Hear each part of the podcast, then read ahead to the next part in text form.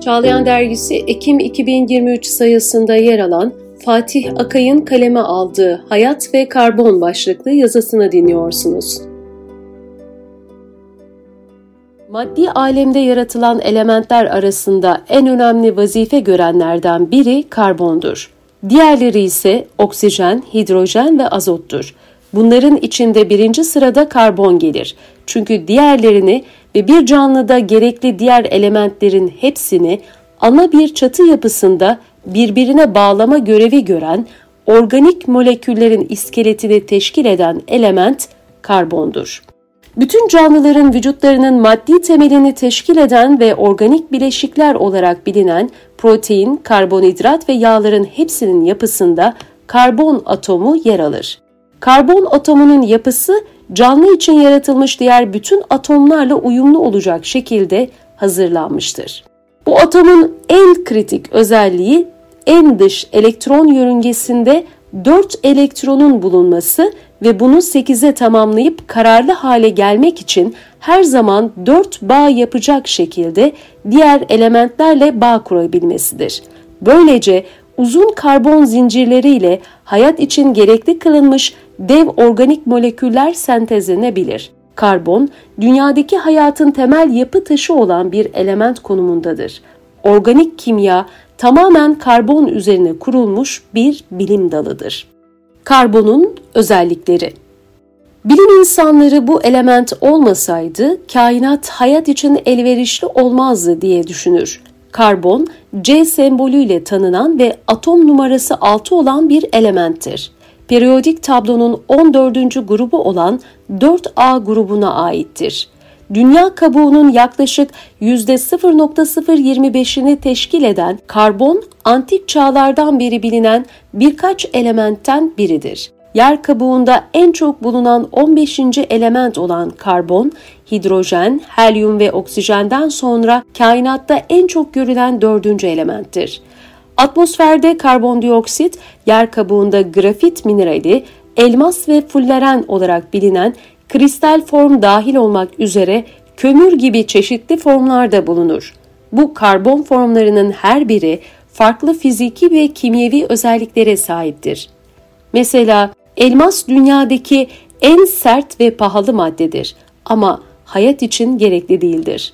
Elmas, kesme, taşlama ve parlatma aletlerinde, grafit ise yağlayıcı olarak pillerin ve yakıt hücrelerinin üretiminde kullanılır. 60 veya daha fazla karbon atomundan oluşan büyük moleküler yapılar olan fulerenler tıp ve elektronikte potansiyel uygulamalara sahiptir.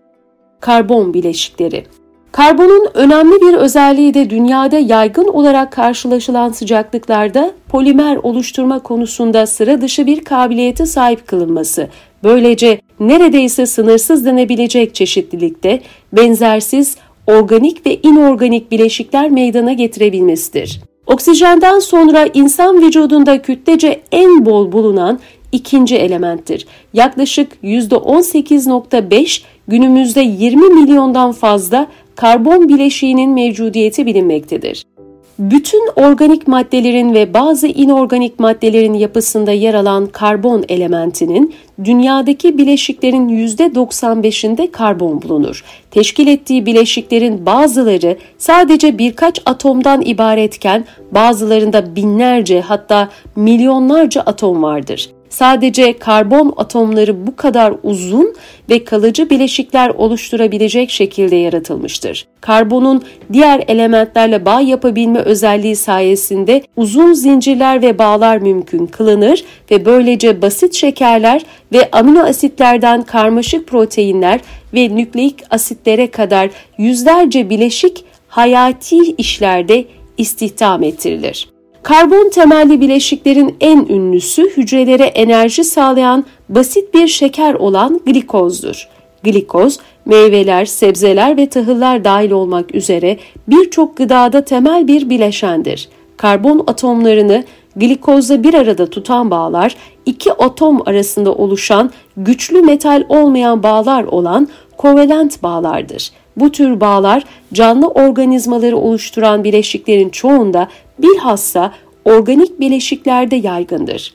Bir diğer önemli karbon temelli bileşik bitki hücre duvarlarının bir yapı taşı olan selülozdür. Selüloz birbirine bağlanmış uzun bir glikoz molekülü zinciridir. Bu bileşiğin gücü ve kararlılığı bitkinin zarar görmesini engellemeye ve destek sağlamaya yardımcı olur. Bu yüzden bitkilerin hayatta kalması için gereklidir. Karbon ayrıca canlı organizmaların gelişmesi ve hayati fonksiyonları için talimatları taşıyan genetik materyal olan DNA ve RNA'nın temel bir bileşenidir. DNA ve RNA'daki karbon atomları çift sarmal bir yapı oluşturmak için belirli bir sırayla birbirine bağlanır. Bu yapı genetik bilginin bir nesilden diğerine geçmesini mümkün kılan şifre molekülüdür.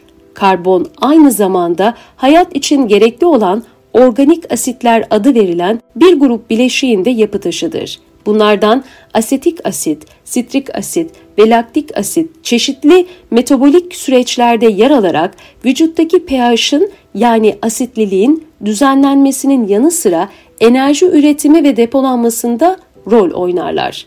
Bunların dışında karbonatlar ve biyakarbonatlar dahil olmak üzere çeşitli inorganik bileşiklerde de bulunan karbonlu bileşikler okyanusta ve atmosferde pH'ın düzenlenmesinde çok önemli bir rol oynayarak hayat için gerekli olan dengenin korunmasına vesile olur. Herhangi bir canlıya biyokimya açısından baktığımızda her karbon bileşiğinin dünyadaki hayatın yaratılması ve sürdürülmesi için hususi bir yapıya ve özelliklere sahip kılındığını görürüz. Moleküler seviyeye indiğimizde karbon atomunun bu mucizevi özelliklerinin hikmeti daha net bir şekilde ortaya çıkar. İnsanın yaratılış safhalarıyla ilgili olarak Rahman suresinde yer alan insanı kiremit gibi pişmiş çamurdan yarattı. Rahman 55-14 mealindeki ayette salsal kelimesi inorganik halden organik hale gelmiş çamuru, fahhar kelimesi de nemli topraktan yapılıp pişirilen, ısıtılarak kurutulan ve vurulduğunda kiremit gibi ses veren bir maddeye işaret etmektedir. Karbon Latince'deki karbo, kömür veya odun kömürü kelimesinden gelmektedir. Eski Yunanca'da ocakta pişmiş toprak, kiremit veya seramik manasına gelen keramos kelimesi de bu meyanda akla gelebilir. Bu kelimelerden çıkarabileceğimiz bir mana olarak ayet-i kerimede salsal, kuru balçık olarak buyrulan insanın yaratılış malzemesi karbon ağırlıklı amino asit ve protein organik maddelerden ibaret bir hayat hamuru olarak değerlendirilebilir. Karbon elementinin yaratılması Büyük patlamadan sonraki ilk saniyelerde protonlar ve nötronların var edilmesi gerçekleşirken kainatın çok hızlı genişlemesi esnasında sadece 3 element hidrojen, helyum ve lityum yaratılmışken karbon nasıl ortaya çıkmıştır? Dünyadaki biyolojik hayatın devamı için olmazsa olmaz konumunda olan bir element elbette Allah Celle Celaluhu dilerse farklı şartlar ve farklı elementleri sebep kılarak farklı bir hayat formları yaratabilir. Kendi kendine tesadüfen oluşabilir mi? Astrofiziğin ölçüm ve tahminlerine göre hidrojen ve helyum gazı bulutları yoğunlaşıp ilk yıldızlar yaratılmış ve hidrojenlerin çoğunu tüketen yaşlı yıldızlar da helyum birikmiştir. Her helyum çekirdeğinde 2 proton ve 2 nötron bulunur. 100 milyon santigrat derece gibi çok yüksek sıcaklıklarda Güneşin çekirdeğindeki sıcaklık yaklaşık 15 milyon santigrat derecedir.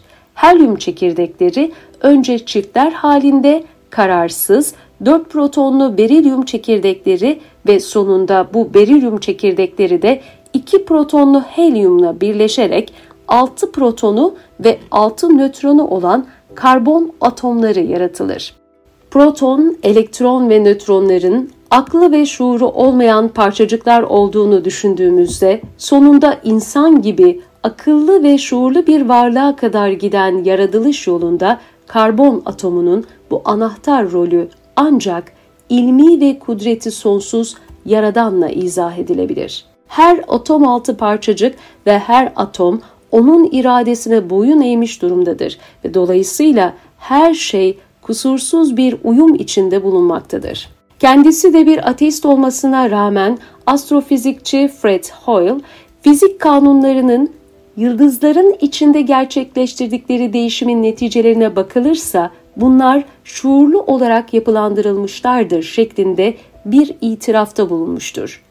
Karbonu incelediğimizde bu atomun kimyevi özelliklerinin de iradi olarak düzenlendiği açıktır. Şayet büyük patlamadan sonra protonlar ve nötronlar arasındaki nükleer kuvvetin gücü %1'den daha az farklı olsaydı karbon son derece nadir olur ve şu an gördüğümüz biyolojik hayat ortaya çıkmazdı. Oksijen ve azot gibi diğer önemli elementler de yıldızların içlerindeki sıcak ve yoğun fırında gerçekleştirilen benzer reaksiyonlar vesilesiyle yaratılmış olabilir. Sonra yıldızların patlayarak bu elementleri uzaya fırlattığı milyarlarca yıl boyunca bu enkazdan yeni yıldızların meydana getirildiği ve sırasıyla patladıkları tahmin edilmektedir. Hayat için gerekli elementler açısından zengin olan güneşimiz ve gezegenlerimizin 3. veya 4. nesil bir yıldızın patlamasından kaynaklandığı düşünülmektedir. David Burney'nin de belirttiği gibi karbon çok olağan dışı bir element konumundadır. Karbon ve onun bu olağan dışı özellikleri olmasaydı dünyada hayat olması imkansızdı. Dünyamızda kurulmuş muhteşem ekosistemde karbon başta olmak üzere birçok elementin devri daimi söz konusudur. Çünkü devamlı olarak kullanılan bir madde yenilenmezse yahut sürekli olarak sentezlenip büyüyen ve organik hale getirilen moleküller tekrar parçalanıp inorganik hallerine dönüştürülmezse bir müddet sonra sistem bozulur. Bu döngü önemlidir zira fotosentezle güneş ışığının enerjisiyle karbondioksit belli bir sınırın üzerine çıkmadan atmosferden uzaklaştırılarak okyanuslarda ve karalardaki bitkilerde gıda olarak depolanır ve dünyanın iklimini düzenlemeye yardımcı olur. Kainatın her parçasında insan hayatını merkeze alan bir gaye ve buna yönelik kusursuz bir uyum, tasarım ve denge vardır. Elbette karbon atomu gibi cansız ve şuursuz bir atomun ve diğer bütün atom ve zerrelerin mükemmel ve muhteşem eserlerin ve hadiselerin ortaya çıkmasında birer memur gibi istihdam edilmesi, sonsuz ilim ve kudretiyle kendini gösteren bir yaradanın varlığının ve birliğinin sayısız delillerinden biridir.''